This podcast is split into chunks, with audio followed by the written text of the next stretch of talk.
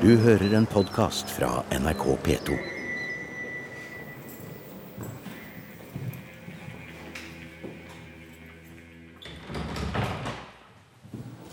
Tenke meg, da, det var at vi kanskje gikk helt til toppen først. Og så har jeg veldig lyst til å ta deg med inn i restauranten og vise deg Førstekonservator Anne-Britt Ylvisåker vil eh, ha oss høyt og lavt i det som på folkemunne kalles Permanenten i Bergen.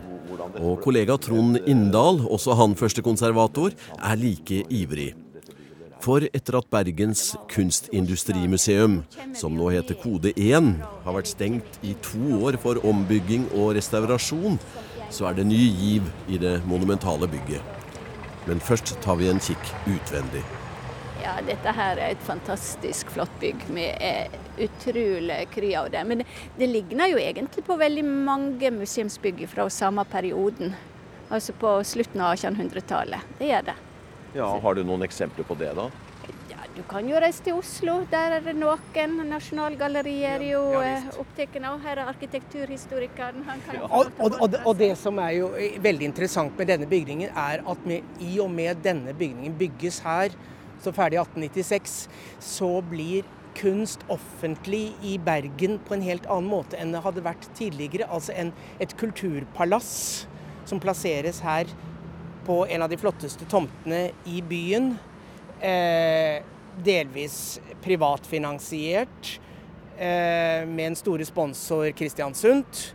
Men eh, også delvis eh, finansiert av kommunen. Og så er det at på denne tiden blir kunst og kultur offentlig ved at man får en sånn prangende bygning hvor eh, diverse institusjoner flytter inn og publikum inviteres inn. For før dette så hadde kunst i Bergen vært et i hovedsak privat anliggende med en privat kunstforening hvor man måtte være medlem for å, for å komme inn og osv. osv.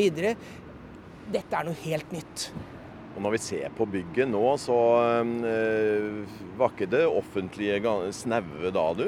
Nei, de, var, de smelte til her. Og det er jo det som eh, Trond Inndal sier her, med at du har denne her koblingen mellom offentlige og private midler. Bergen kommune eh, var jo eh, veldig inne i bildet her og gir den fineste tomten i byen altså til et sånt bygg. Og ikke bare det, men de sa jo òg det at det skulle det bygges en sånn flott bygning, så skulle en òg bruke materialet som virkelig eh, var noe. Så her er jo eh, eh, naturstein i første etasjen og i dekorelementet. sånt, Og det var rett og slett et lite krav fra kommunen på at de bidro her. Ja. Du sa den beste tomta. For kanskje forklare folk litt hvor, vi, hvor kode 1, eller permanenten, ligger, da? Permanenten den ligger attmed Festplassen, rett framfor Byparken. Eh, Lille Lungårdsvann. Altså vi har liksom alt rundt oss, og med utsikt opp til Fløyen. og Meget sentralt. Vi mener dette er sentrum i Bergen. Det er eh, kort tid siden eh, Kode 1 eh, gjenåpnet for publikum, og det ble mye blest, særlig om at dronning Sonja fikk ha utstilling her. Det blir ikke tema i dette programmet, men vi skal først få forklart hva slags museum dette er. Øverst oppe under takesimsen så er det jo plassert en rekke symboler på forskjellige kunster og håndverk. Vi ser gullsmedkunsten der oppe, vi Ja. ser malerkunsten, vi ser skulptur, vi ser arkitektur. Dette er jo åpenbart da et bygg for kunst og håndverk. Og så midt på fasaden Ja. så kom det jo da kort tid etter at denne bygningen var ferdig, så eh, spanderte Kristiansund, den store sponsor, en statue her av malerkunstens far, Johan Christian Dahl. Bergenser. Og det var selvfølgelig naturlig å plassere ham her. Han er gallionsfiguren. Ikke sant? Og oppdraget ble gitt til Norges første store kvinnelige billedhugger, Ambrosia Tønnesen. Det var i 1898 hadde du da den landsutstillingen i Bergen. Dette her er jo da den permanente utstillingsbygning som ble bygd til denne her. Det var 63 bygninger som ble bygd totalt til Bergensutstillingen. Og den var oppe i Nygårdsparken og ned på Marineholmen. Bl.a. et stort utstillingsbygg på 11 000 kvadratmeter som sto i seks måneder, og så sprengte de det i lufta. Men, men, var det av samme kaliber som, som dette, og samme materialer da? Nei, naturligvis nei. ikke. Og det er jo ikke tilfeldig at det var dette her som ble kalt for en permanente utstillingsbygning. Sånn at den hadde både en funksjon i forbindelse med Bergens utstilling, men det var òg meningen at, fra starten av at du skulle ha en flott og sikker bygning til de institusjonene som ikke hadde spesielt gode vilkår ellers når det gjaldt bygningsmateriell. Museum er i Bergen, og vi besøker det nyåpnede Kode 1, som er museet for kunsthåndverksfagene. Og her har Bergen en ærerik historie å ta vare på. Med oss er førstekonservatorene Anne Britt Ylvisåker og Trond Inndal. Et såpass monumentalt bygg vitner om gode tider og framtidstro. Ja, altså Slutten av 1800-tallet var jo veldig ekspansjonstid for Bergen. Hvor Bergen gikk fra å være en relativt liten by med trehus til å vokse voldsomt. Og eh, det ble bygget masse nye bygg i mur, institusjonsbygg, forretningsbygg osv. Og, så og Permanenten er jo et eksempel på det. Og Det er jo samtidig en periode både i Norge, men òg utenfor Norge, der nasjonsbyggingsprosjektet sto veldig sterkt. Og det å bygge denne her type institusjoner går jo veldig inn i, i eh, det bildet. Ja. Ja. Skape identitet og kraft, og det gjør du gjennom museumsinstitusjoner. Altså Hele museumsvesenet vokser jo fram på 1800-tallet. Og dette er en del av det. Og det er jo eh, i dag så er det jo bare Kode som er igjen her, men det var jo mange institusjoner dette bygget her skulle huse i 1896. Så var jo, det var jo fem institusjoner her inne.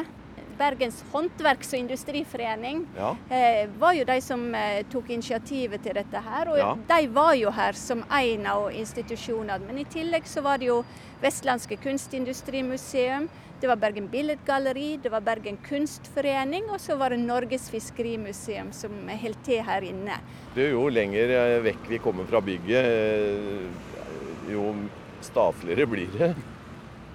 Ja, det er klart det er et monumentalbygg. Og eh, med hele nyrenessansens arkitekturapparat, symmetri, bruk av søyler og pilastre, alt det som på denne tiden gjør en et bygg verdig.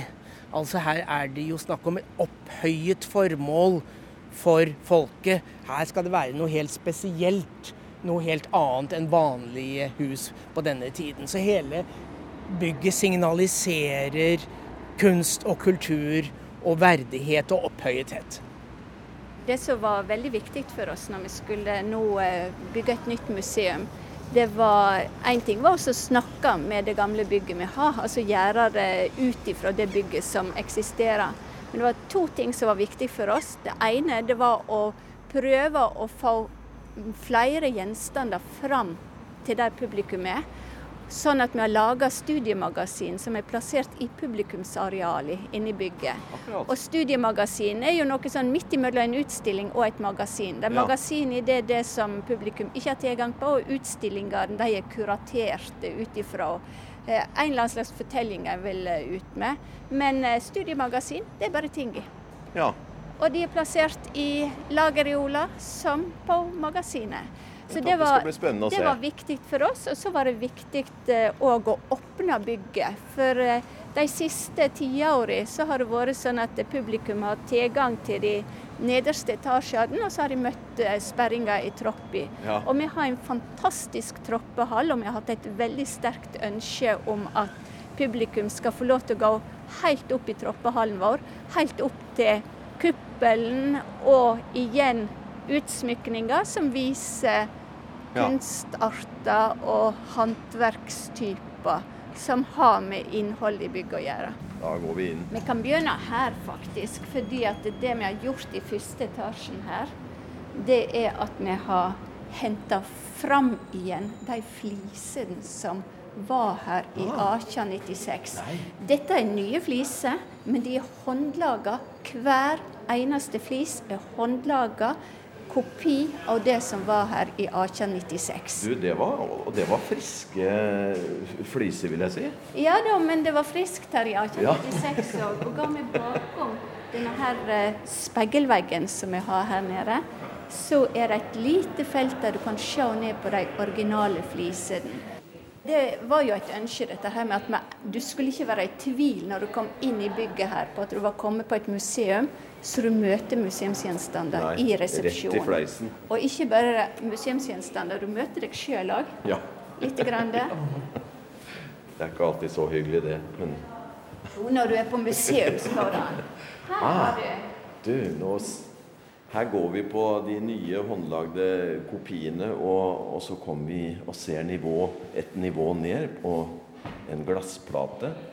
Og så ser vi originalene. Du, det er, det er godt arbeid, Ja visst er det godt. begge deler. Ja, begge deler, som du sier.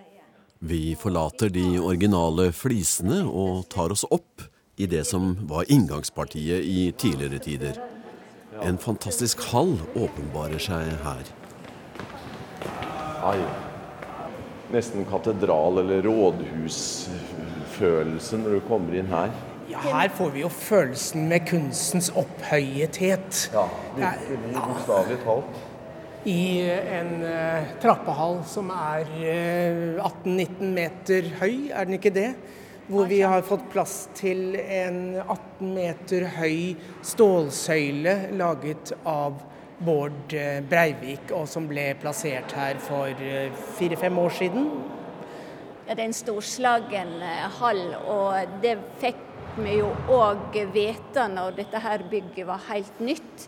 For eh, det blir vel kalla den vakreste trappehall i Norge i et arkitekturtidsskrift. Og vi går videre opp. Her er det som gallerier. Og så spanderte jo Bergen kommune marmor i alle trappene oppover trappehallen her. For å gjøre det ekstra flott og verdig. Dette skulle jo være byens storstue også, og kunne brukes ved store anledninger. Ja vel. Så det var også et slags eh, forsamlings...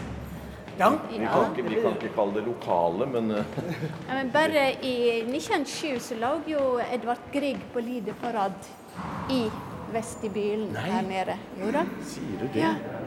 Der vi nettopp var. der vi nettopp sto Ja. nede. Det har jeg ikke hørt om. Nei. Nå er vi kommet opp på toppetasjen, da. Ja, denne flotte skulpturen følger oss fortsatt. Den går Ja, enda videre helt Man Den går i nesten opp i glasstaket med Ja. Bergen byvåpen helt oppe i Ja. toppen her. Hvor også lyset kommer inn. Får nesten sånn Pantheon-følelse. Selv om den her er firkanta. Og her ser du da rundt på siden her så har du disse her relieffer som i, repeterer de ulike håndverkene som òg var på utsida av bygningen. Det var jo en dramatisk hendelse her i 1916. Altså Gnistregnet føk jo over bygningen her. Og de la ut våte presenninger på taket. Nabobygget brann jo, altså Hotell Norge på hi og gata brann jo. Så her eh, var gnistregnet over, og direktøren Johan Bøg han skriver hvordan han gikk rundt og egentlig sa adjø til samlingen sin. Så han trodde ikke at den skulle kunne berges, men eh, det stoppa her. Her eh, øverst eh, oppe i kode 1 under takhvelvet skal vi forlate den klangfulle trappehallen og gå inn i den nye festsalen. Et stort rom for seminarer, foredrag og sammenkomster som passer inn i et museum. En nødvendighet i et moderne museum, selvfølgelig. Men det er utstilling her også. Se her. Ai. Hvilken utstilling er dette? Eh, Dette her er det som jeg kaller for festsalen. Det For eh, det har jo vært et problem her eh, på museet at vi har ikke hatt et rom der vi kan holde foredrag, der vi kan samle ei større gruppe med mennesker. Men her er du òg på museum. Ja. Her har vi òg stilt Det var jo også min første reaksjon. Hva er det som er utstilt her? Jeg ensa ikke at det var et møterom med en gang. fordi jeg så gjenstanden her borte. Så i foredragssalen, festsalen vår, så går det på tid, og det går på oppbevaring, som er vel kanskje òg handler litt om museumstenkingen. Vi har ja. speilene i inngangen der du møter deg sjøl, og her oppe er det tid og oppbevaring. Og her er det flotte skrin, og her er det Ja, og så har vi et spesielt kabinett her borte som eh, er laga av en tysker. Og eh, Nefermann heter han som har laga dette her. Det er laga et par år etter Vestlandske kunstindustrimuseum ble etablert, i 1887. Ja. Og eh, han Nefermann han dør omtrent samtidig som dette huset blir åpna i 1896. Eller han dør i 1898. I dette her storslagne smykkeskrinet her, ja, si. så uh, fant vi på et tidspunkt en lapp i ei hemmelig skuffe. Oi. Og uh, det er en lapp som forteller litt om hvordan det var å være håndverker på slutten av 1800-tallet. Hm. For uh, han var Sven. Dette er svennebrevet hans. Ja, Så det er han som har skrevet det? Ja, det er han som har skrevet det. Og det er et litt bittert lite notat som ligger der. Husk når du åpner dette her, at av å lage sånne ting blir en ikke feit, står det på lappen. For mesteren hans, han leverte dette her inn på en utstilling. Mesteren fikk andrepremie på utstillingen. Sven, han fikk ingenting. Nei. Han skulle bare visst at nå pryder det festsalen i og det du kan, kan legge merke til når vi står her og ser på det som er stilt ut i festsalen, det handler òg litt om at vi ønsker å trekke inn at noen ideer fra da når huset var nytt. På slutten av 1800-tallet, når en stilte ut mange gjenstander, det var, om det var ski eller turfisk eller kunstindustri, så stilte en det ut veldig symmetrisk. Mm. Og det har vi prøvd å gjennomføre ja. i disse rommene ja. som vi har dette kan Se det. Ja, Som magasin, ja, men med et lite grep. Og det var jo òg sånn med vår første direktør. Når han uh, begynte å stille ut ting, når han begynte å få en del ting, så uh, stilte han jo ut alt. Altså Magasin er jo en forholdsvis ny tenking i museet. De som ikke hadde så mye, de stilte ut alt, og etter hvert så begynner det å utvikle seg et problem med at det mm, blir, det blir for, flere, for, mye.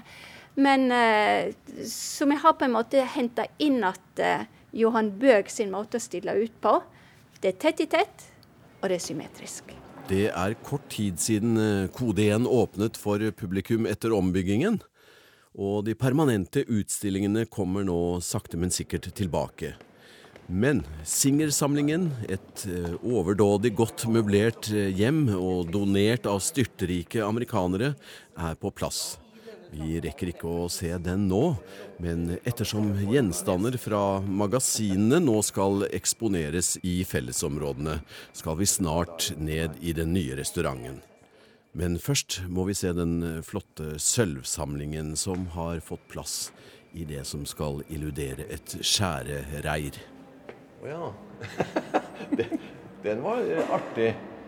Nå trodde jeg så inn i et sånt eh, blackbox-rom nesten, med litt uh, lys i taket høyt der oppe, og så ser jeg plutselig at det er jo speiler. Det er ikke på langt nær så høyt som en som du, du, ble litt overrasket nå, ikke så? Ja, akkurat, ja. Det var meninga? Ja, det, det, er meningen. Det, det er jo meningen at publikum skal bli litt overrasket, litt forbauset eh, over dette. Dette er jo eh, vår permanente samling av Bergens gullsmedkunst, som for så vidt har stått her i noen år, men nå er den eh, nymontert og supplert med et speil i taket som gjør at publikum kan få sett enda mer og en, en spesiell visuell effekt av eh, gullsmedkunsten. Og dette er jo en eh, samling av fremragende kunsthåndverk fra 1500-tallet frem til i dag. En stor del av det er resultat av en samling som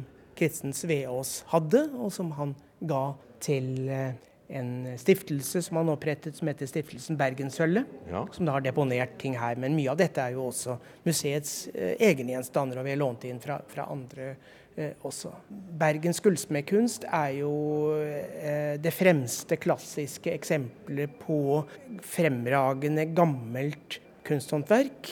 Laget av gullsmeder som eh, jobbet her i Bergen, men som i stor grad var utdannet i utlandet. I Danmark og Tyskland, og hadde nær kontakt med håndverksmiljøet der gjennom flere hundre år. Slik at, at dette er, er, resultat av et av, si, internasjonalt kunsthåndverk. Og Bergenssølvet eh, altså Bergen er jo berømt for sin gullsmedkunst, og det meste av det som ble laget i Norge av denne typen håndverk eh, gjennom 15-, 16-, 17-, 1800-tallet, ble jo laget her. Her i Bergen. Hva er forklaringen på det? Er det historien? Er det, det er, det er hanseatene, med utlandet? Det er den nære eh, forbindelsen som eh, de bergenske håndverkere hadde med, med tyskerne. Og det var jo tyskere som hadde håndverker her under Hansa-tiden. Og etter at hanseatene mistet sine privilegier midt på 1500-tallet, så ble Bergens eh, gullsmedlaug dannet av gullsmedene, og de var i all hovedsak tyskere. Så dette var utlendinger som kom og, og etablerte seg her, og ble bergensere. Hvordan opplever dere som museumsfolk nå? Det, det, er jo mange her som står nå og ser på. Nå begynner de å høre litt etter også. Det er jo litt morsomt at vi kan bidra til litt formidling. Vi liker jo veldig godt at det kommer folk her og og vil se dette her og, og, og høre på oss. Det, det, det er klart, det. Nå er vi på ditt favorittsted, og et par eh, gjenstander da, som du setter eh, ekstra stor pris på. Har du det her?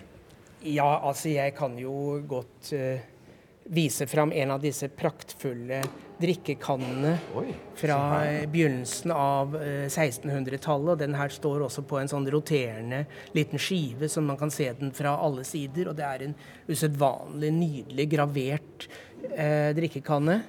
Dette er jo på en, en, periode hvor det ikke fantes mye annen billedkunst i Norge. Nei. Slik at mye av, av, kunsten var på slike gjenstander som dette her. Og så er det bitte små scener av, eh, på, på, disse eh, ja. Noen av stedene på kannen hvor er, vi ser ja, en, en, person Jeg ser en person der, og et som, sverd? Eller? Ja da. Der er også her eh, På den andre siden så er det en person som vandrer i, ute i, i eh, terrenget. Ja, og rundt på den andre siden så får vi se ham foreta seg litt andre ting. Der ja. øverst er han ute i, på et jorde og sår, ser det ut som. Ja. Og her er han på fest, ser du. En person Nettopp. som står med et høyt hevet beger i hånden og sier skål, antagelig. Det er nesten en livsfrise her på, på et krus. Så eh, disse eh, sølvgjenstandene vi har her, de er, er virkelig eh, praktstykker. Da kunne jeg tenkt meg å ta deg med ned i eh, den nye restauranten her på huset. Ja. Restauranter er jo stort sett hyggelige steder. ja. Og, det strømmer på med folk her. Ja, men det liker vi. Ja. Både svensker og Det er jo alltid skummelt når du stenger et hus i en periode, om, en, huk, om en husker at det var noe der når det åpner igjen. Så det at uh, her kommer folk, det syns jeg er fint.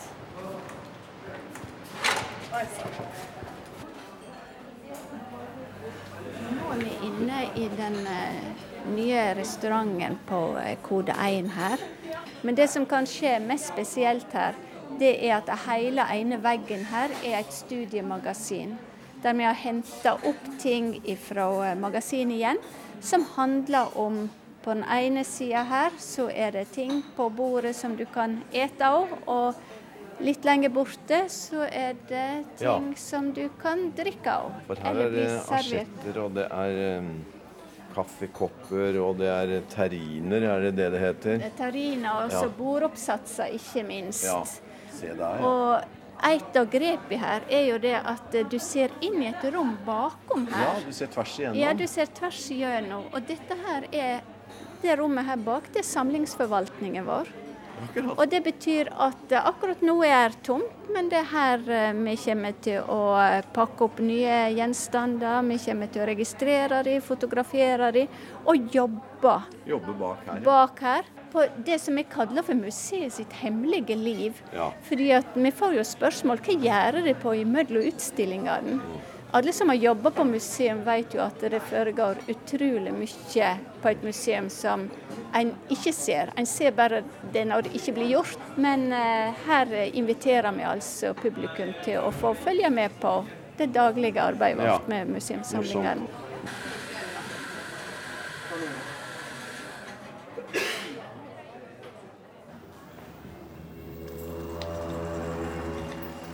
Du har hørt en podkast fra NRK P2.